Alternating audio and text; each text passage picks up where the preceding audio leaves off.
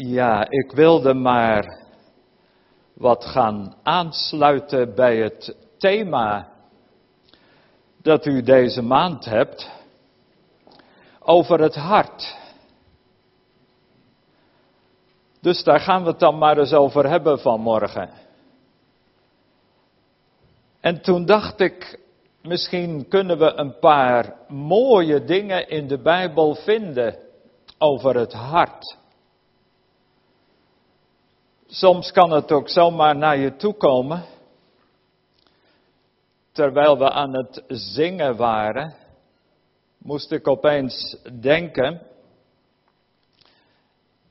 Dacht, ja, we zijn hier nu in Drachten. En er was ooit een dominee in Drachten. Westmeisen. Denk niet dat iemand hem nog zal gekend hebben. En die dominee Westmeisen, die hield overal spreekbeurten, ook her en der in het land. En dat noemde hij dan gewijde bijeenkomsten. En dan zette hij ook advertenties in de krant met het onderwerp waar hij over zou spreken. En dan had hij vaak van die prachtige titels Bijvoorbeeld, eh, als de hemel van koper is en de aarde van ijzer.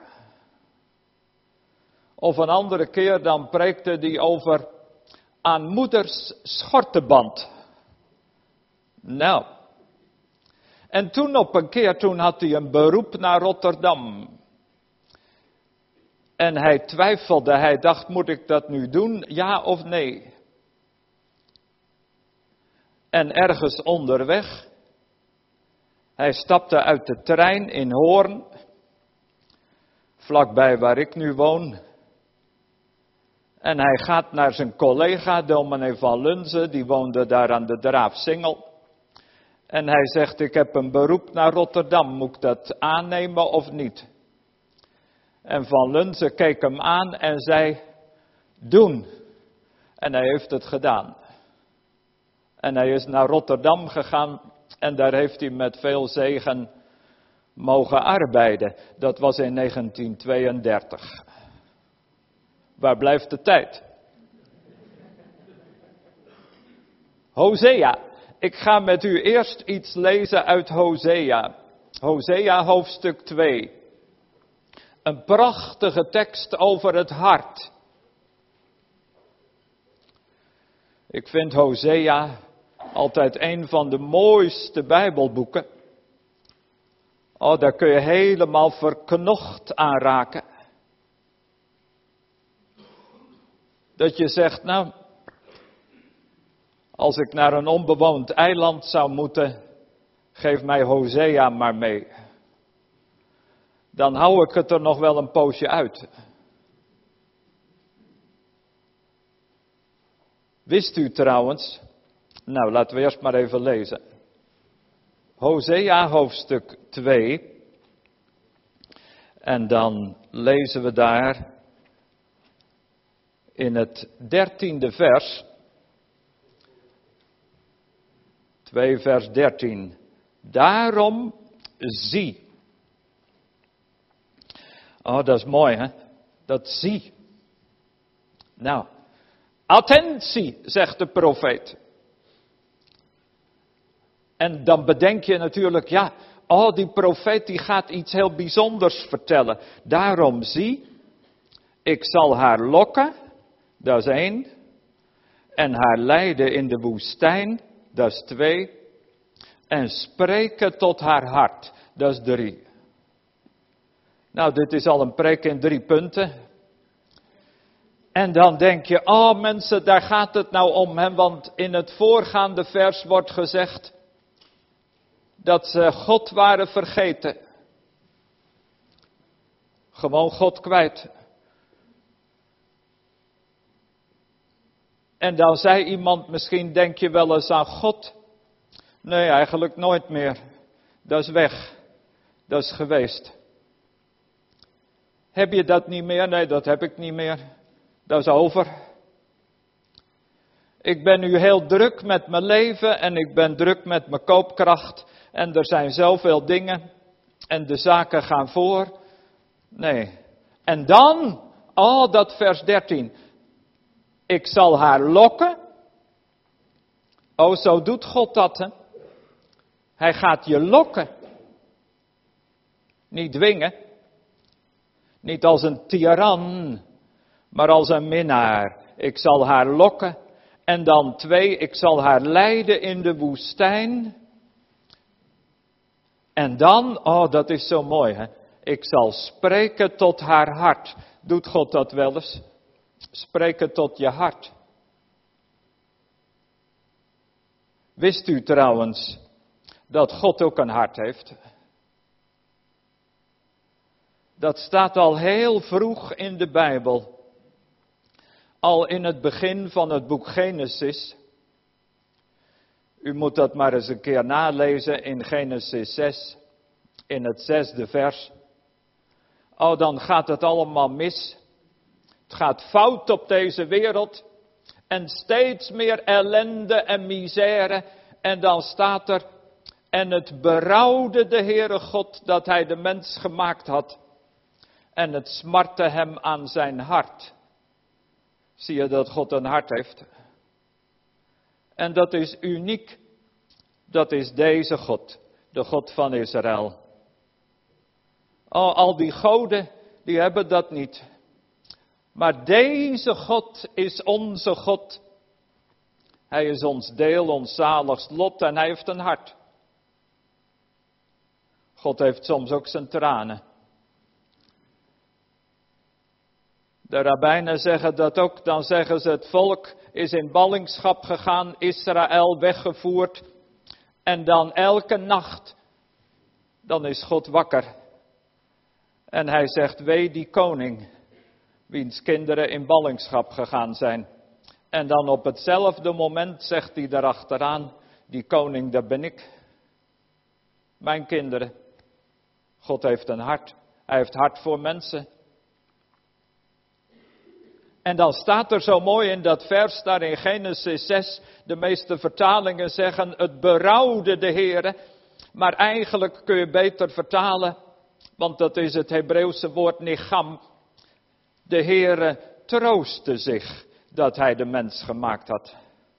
God zoekt troost over de mens die zo op een dwaalspoor is geraakt. God zoekt troost. En weet je waar hij die troost vindt? Die vindt hij in zijn eigen hart. En ik kan nog een laag dieper gaan. Weet je waar God die troost vindt?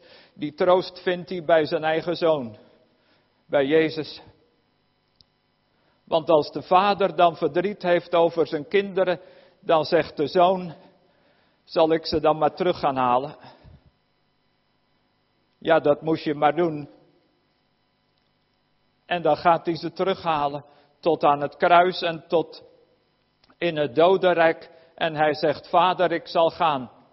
En de zoon, dat is de troost van de vader. Moet je eens over nadenken. Jezus is de troost des vaders. En dan is het hart van vader weer goed. En dan zegt het vaderhart, het komt goed. Want mijn zoon is gegaan. En daarom, en daarom zal ik spreken tot haar hart. Kijk, en dat is het nou, hè. En dan staat er daar in Genesis, en het smartte hem. Eigenlijk wordt daar hetzelfde woord gebruikt als bij de vrouw, die moeite heeft en pijn om te baren. Dus God heeft barensweeën in zijn hart ter wille van zijn mensen. God zegt, als je eens wist waar ik doorheen ga, totdat dat laatste kind van me thuisgebracht is. Het gaat God niet in zijn koude kleren zitten. Hij gaat er dwars doorheen. Hij gaat dwars door jouw verdriet heen en dwars door jouw moeite heen. En als die dan gaat spreken tot je hart, kan wel eens gebeuren. Ik moet denken aan die uh, predikant die vertelde, Veldman, hij zegt, eh, moest een keer spreken op een begrafenis. En ja, dan ga je een tekst zoeken. Waar moet ik over spreken? En hij zegt, ik ben gaan bidden. En ik ben gaan zoeken in de Bijbel overal. Geen tekst. En dan wordt de tijd steeds korter en dan eh, denk je, ja, zo meteen is het zover. En ik heb niks om over te spreken. Hij zegt, de hele Bijbel zat potdicht en ik kon het nergens vinden. En hij zegt, ik ging naar die kerk waar die begrafenis gehouden zou worden, waar die rouwdienst zou zijn. En terwijl ik daar binnen stapte, kreeg ik mijn tekst. Spreek slechts één woord. Wat Jezus zegt tegen die hoofdman. Dan zegt Jezus, die hoofdman, u weet wel, die komt daar bij Jezus. En Jezus zegt, ik wil wel naar je toe komen om je knecht te genezen. Wil ik wel doen hoor. En dan zegt die hoofdman tegen Jezus, hoeft niet, u hoeft niet te komen. Spreek alleen maar één woord. En dat is genoeg. Spreek slechts één woord, één woord met macht. Spreek, dan keert alles ten goede, want u bent de arts van alle zielen. Spreek maar één woord. En die predikant, die gaat die kerk binnen en die denkt, oh daar moet ik over spreken. Dat legde God in zijn hart. Spreek slechts één woord. Hij zegt, nou dan heb je dus geen tijd meer om voor te bereiden. En hij zegt, toen ging ik ervoor staan en ik ging spreken over die tekst. Spreek slechts één woord. En hij zegt, ik zag daar een vrouw zitten in die zaal. En die keek me steeds maar met grote ogen aan. Had een bril op. En ze keek maar en ze keek maar naar me. En hij zegt, de rouwdienst was klaar en die begrafenis was voorbij. En hij dacht, nou moet ik het weten. En hij ging naar die vrouw toe en hij zegt, nou moet je zeggen. Wat was er?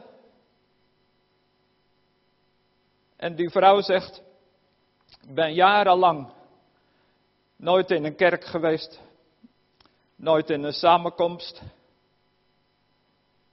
Ik heb altijd thuis preken gelezen.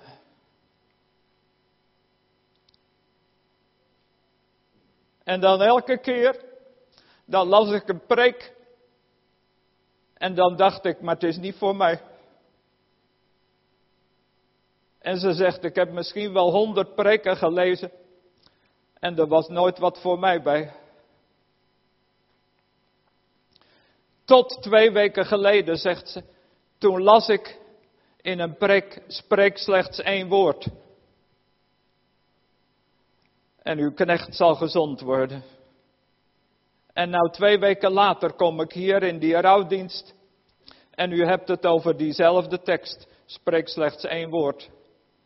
Ze zegt, dat is de bevestiging. Voel je? En zegt ze, en nu hang ik aan de hemel dat hij het aan mij gaat waarmaken. Ik dacht, kijk, dat is nou. Hè? En toen zei die dominee Veldman, en jaren later heb ik die vrouw mogen begraven. Tot bevordering van heerlijkheid. Tuntje van Odalen. En dan denk je, kijk, dat is nou. Ik zal u voeren in de woestijn. En de woestijn, dat is vaak de plek waar God spreekt. Want er is een verband tussen in het Hebreeuws. Midbaar, dat is woestijn. En dabaar, dat is het woord. Dus de woestijn, dat is de plaats van het woord. Oh, daar gaat God tot je spreken. En dan spreekt hij tot je hart.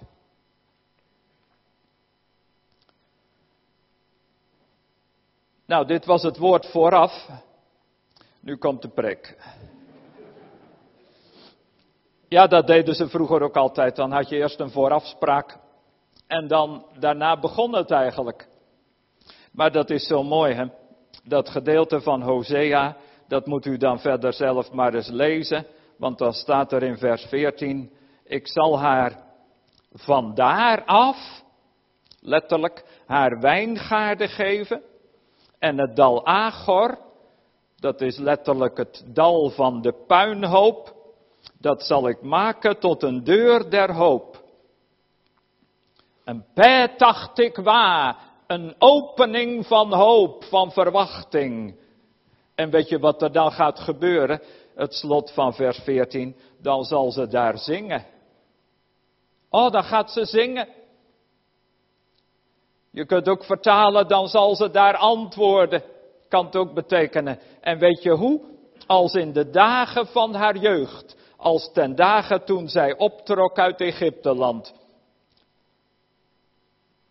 Oh, zegt God, wanneer heb je voor het laatst gezongen, meid? Nou, zegt ze, dat is al heel lang geleden. Maar nou gaat het gebeuren.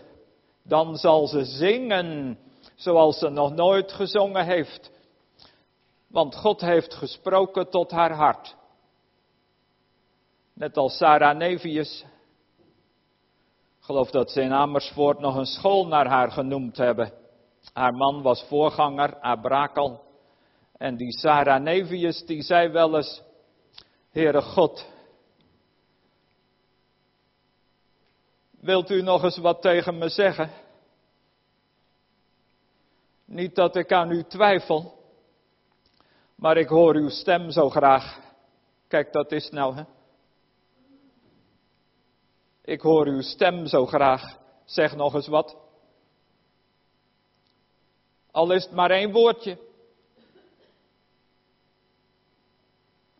En dan ga je zingen.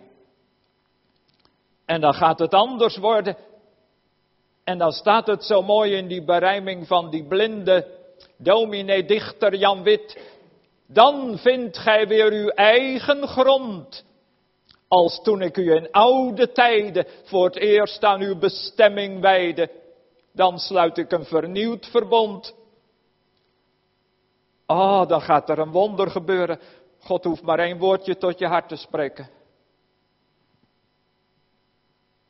En het is of de zon opgaat. En nu ga ik een paar versen met u lezen. Dat sluit eigenlijk hierop aan. Uit het Hooglied. Het Hooglied van Salomo. Dat is ook helemaal een boek vanuit het hart. Je zou boven het hooglied kunnen schrijven, en dan lezen we maar uit hoofdstuk 3. Hooglied hoofdstuk 3. Boven het hooglied kun je wel een titel zetten. En dan zet je erboven de reis naar het hart. Acht hoofdstukken. Acht stations. En je gaat op reis naar het hart. Naar het hart van God en naar je eigen hart.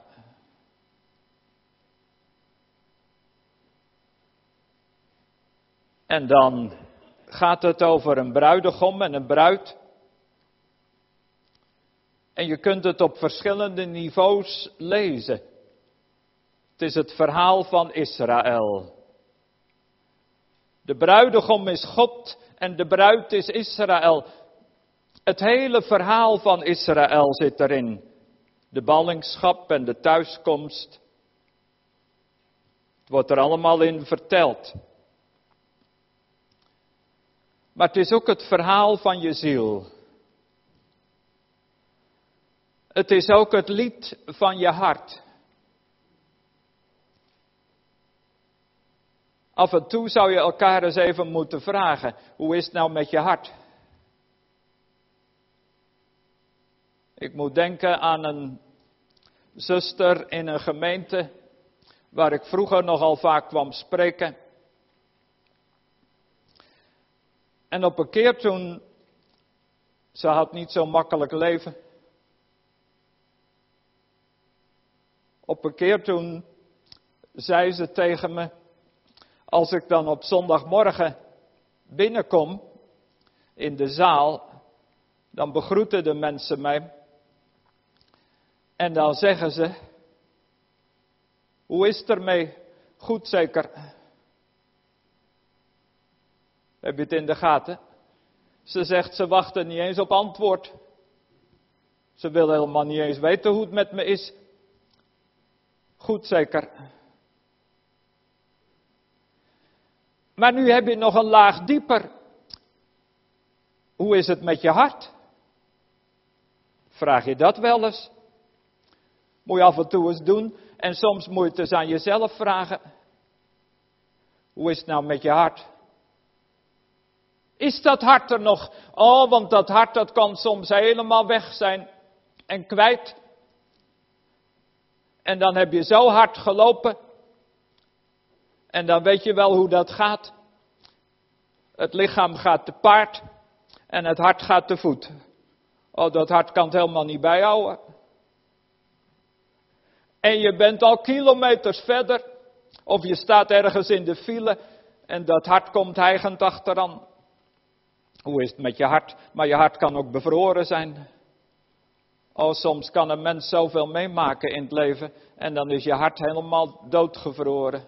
Net als een klein doodgevroren vogeltje. Net zoals dat meisje met die zwavelstokjes, dat daar helemaal verkleumd zit ergens buiten op de stoep. Hoe is het met je hart? Zegt je hart nog wel eens wat? Praat het nog wel eens? Kun je er nog bij, bij dat hart van je?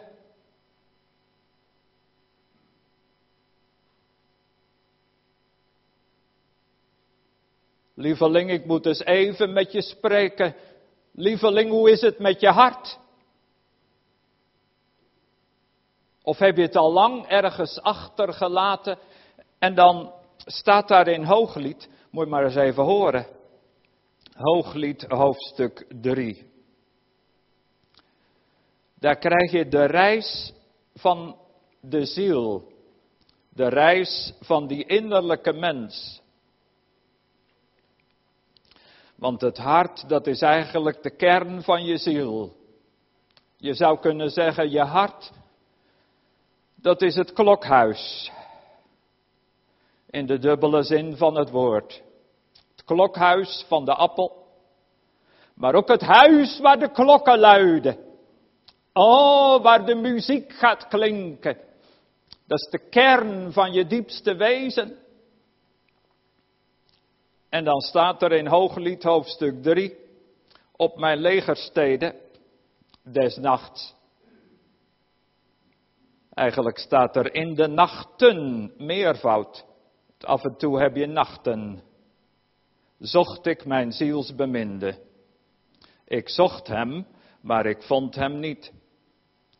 Ik wil opstaan en rondgaan in de stad, op de straten en de pleinen, en mijn zielsbeminde zoeken. Ik zocht hem, maar ik vond hem niet. De wachters die in de stad hun ronde deden, troffen mij aan, letterlijk vonden mij. Hebt gij ook mijn zielsbeminde gezien? Nauwelijks was ik hen voorbij gegaan, of daar vond ik mijn zielsbeminde. Ik greep hem vast en wilde hem niet loslaten, totdat ik hem gebracht had in het huis van mijn moeder, in de kamer van haar die mij gebaard heeft. Nou, dat is het verhaal van je innerlijk. Dat is ons levensverhaal. Oh, zie je ze daar gaan? Want ik zeg wel eens, bijbelteksten moet je niet alleen maar horen, maar je moet ze zien. Oh, daar gaat dat meisje. En wat doet ze? Ze gaat de deur uit en ze loopt door de straten en over de pleinen van de stad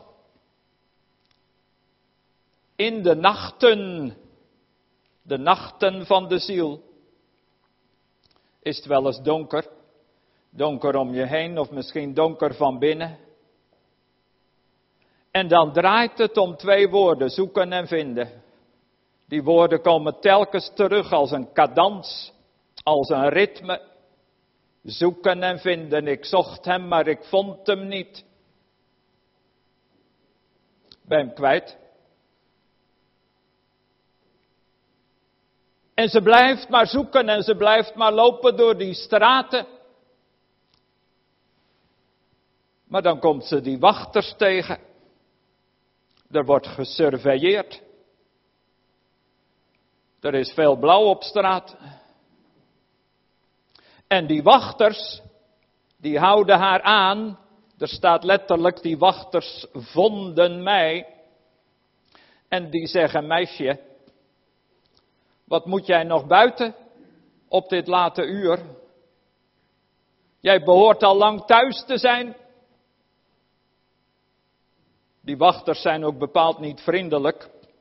In hoofdstuk 5, daar wordt zelfs gezegd dat die wachters haar haar mantel afpakken en haar verwonden. Moet maar eens opletten. Als je op zoek gaat naar degene die jouw ziel bemint, dan kom je altijd die wachters tegen. Misschien zijn dat de leerstellingen, de dogma's. Misschien zijn dat allerlei regels. Ja, maar zo moet je geloven. En zo moet het. En zo moet je denken. En ze schrijven je alles voor en ze nemen je de maat. En het is altijd 1, 2 in de maat, want er wordt wel weer iemand kwaad. Of God, of de meester, of de juffrouw. Er wordt altijd wel iemand boos op je. Je hebt het niet goed gedaan hoor. Nee, daarom kan God je ook niet zegenen. En weet je wat ze nou doet? Dat is zo mooi. Dan staat er nauwelijks was ik hen voorbij gegaan. Je moet net even die wachters voorbij. Net even doorlopen. Zelf zoeken. Je kunt niet meeliften op een ander. In het koninkrijk van God heb je geen lifters. Maar het is jouw zoektocht. Oh, en dan ga je op zoek. En toen zegt ze, oh, toen vond ik hem. Oh, mensen, en dan kan ze er geluk niet op. En ze zou het wel aan iedereen willen vertellen. Ik heb hem gevonden. Ik was hem kwijt en nu heb ik hem terug. Het wonder is gebeurd. En nou één ding. Wat doet ze dan? Dan pakt ze hem vast. Ze zegt, ik greep hem. En ik wilde hem niet meer loslaten. En waar brengt ze hem heen? En dat is nou de sleutel van de tekst. Soms is het één woord. En dat ene woord, dat is de sleutel.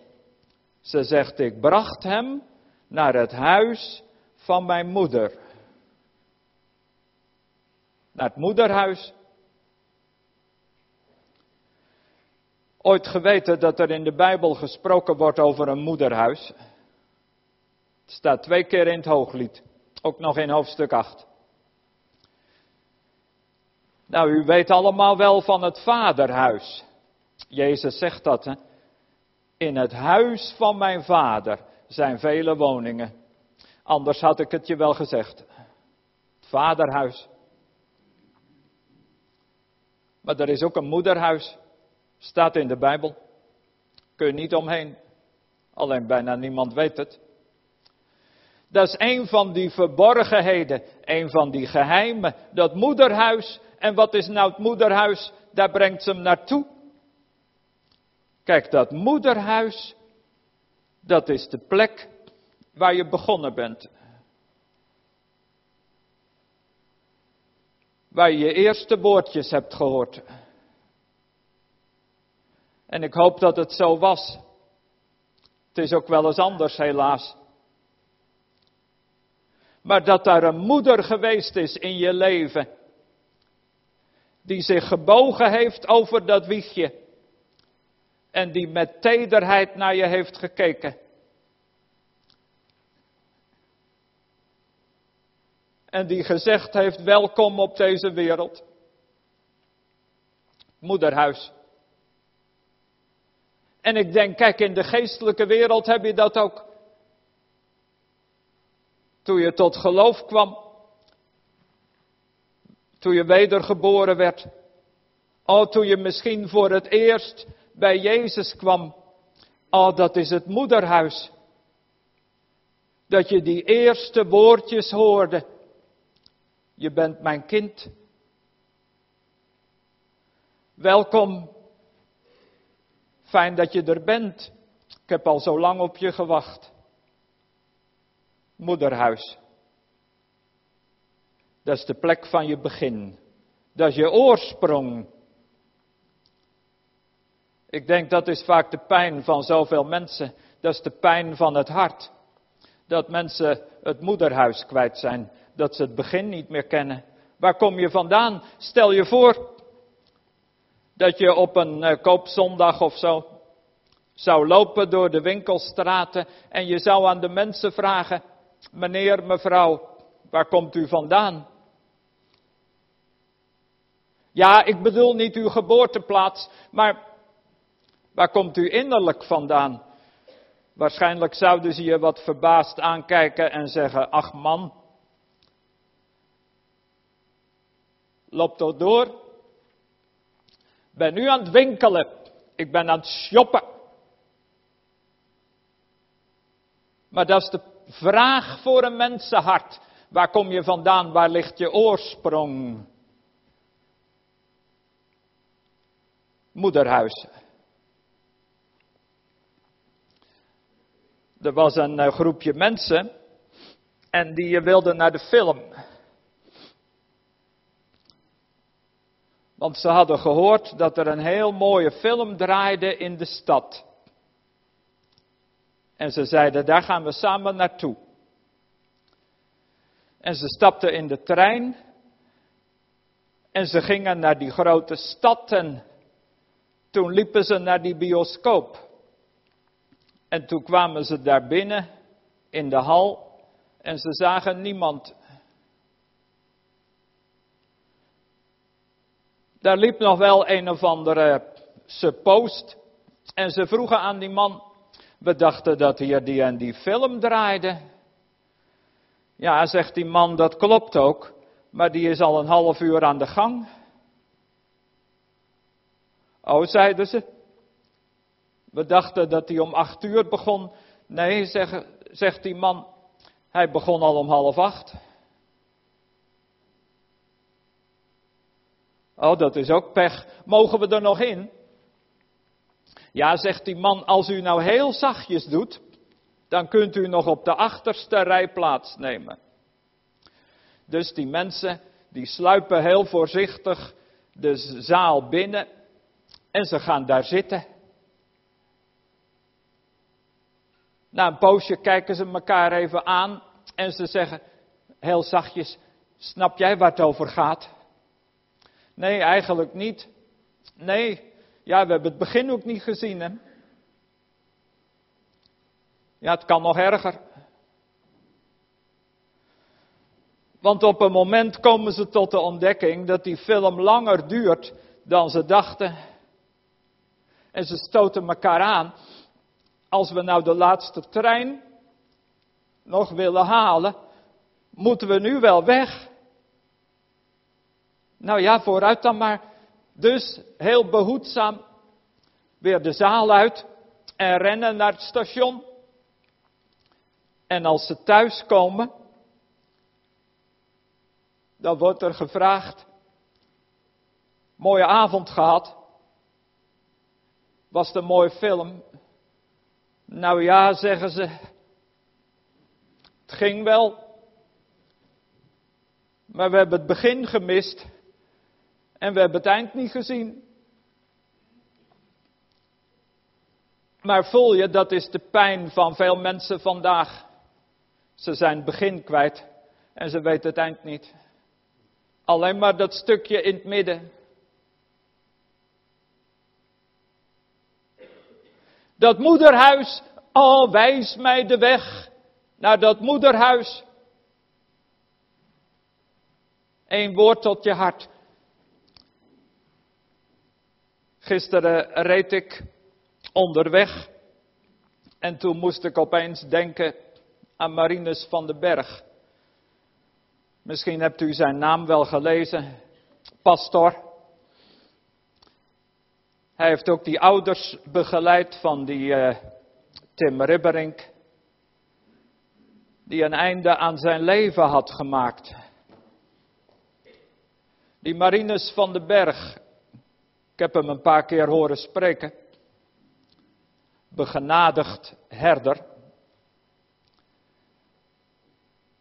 Hij zei, ik kwam een keer bij een man in het ziekenhuis. En ze hadden mij al verteld, die man is alcoholist.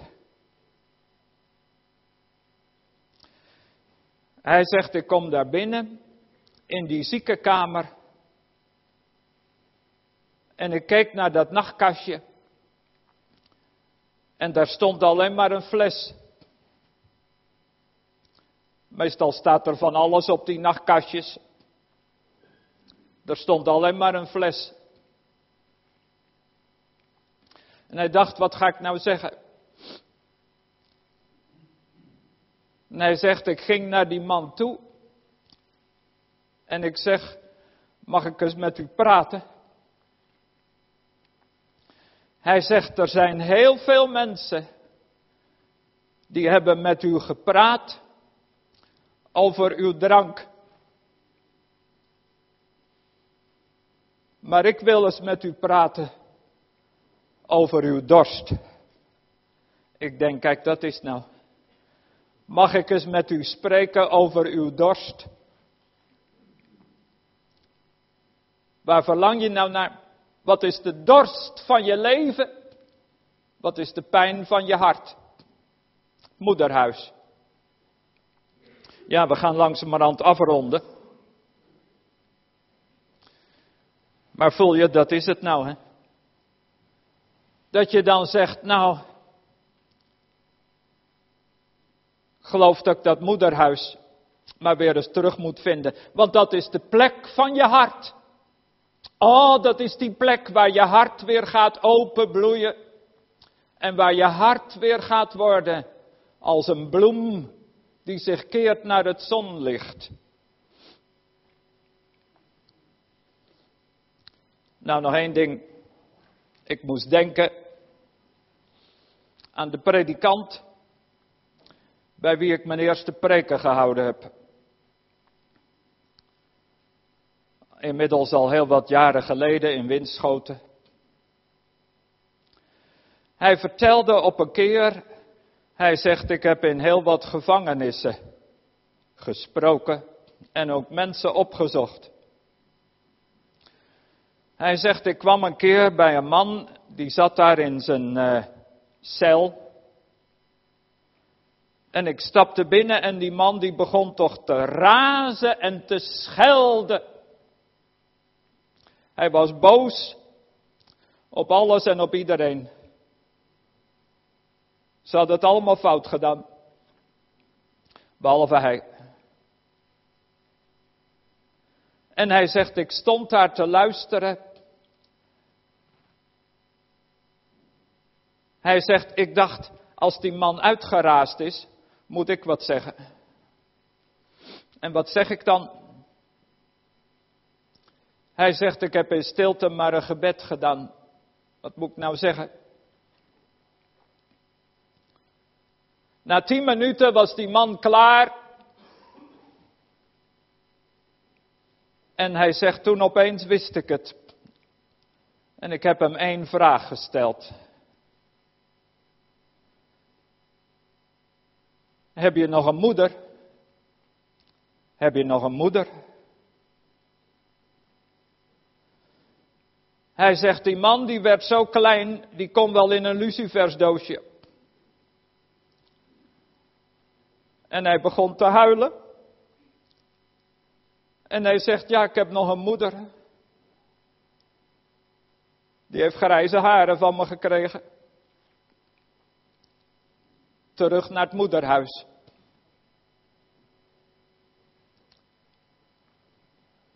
Ik ga eindigen met een gedicht van Adama van Scheltema. Er was een oude muzikus, Willem Vogel, die heeft het ook op muziek gezet. En Adama van Scheltema, die kon soms van die prachtige verzen maken. Er ging iets moois voorbij. Zo aan mijn hoofd voorbij. Vlak langs mijn hart voorbij. Ik wist niet wat. Ik deed mijn venster dicht en bij mijn ogen dicht. En al mijn vingers dicht. Of ik het had. Ik keek mijn venster uit en naar de verte uit. Hoog naar de hemel uit. Of het daar stond. Ik liep naar buiten toe. Heel naar de verte toe. Zo naar de hemel toe. Of ik het vond. Daar bij de wei, daar zong, daar door de bomen zong, hoog in de hemel zong de lente een lied. Ik zag een kindje gaan en nog een beestje gaan. En nog een meisje gaan. Dat was het niet. Ik zocht bij de rozenboom, onder de perenboom, onder de appelboom. Ik zag er niets. Toen ben ik heen gegaan. Ben ik maar weggegaan.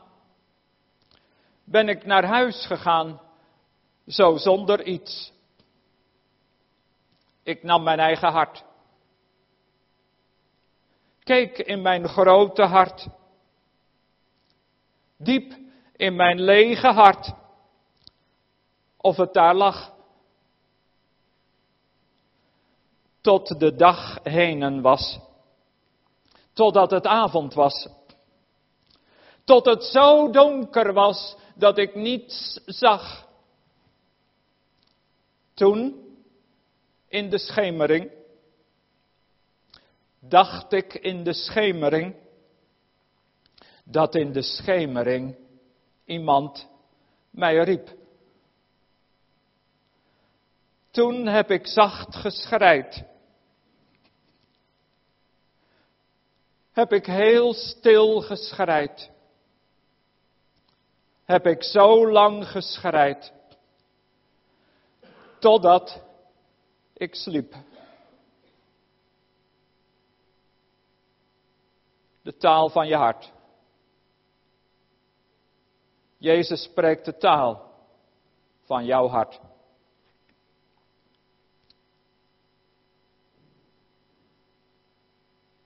En als Jezus de taal van je hart spreekt, misschien maar één woord, dan wordt het stil van binnen.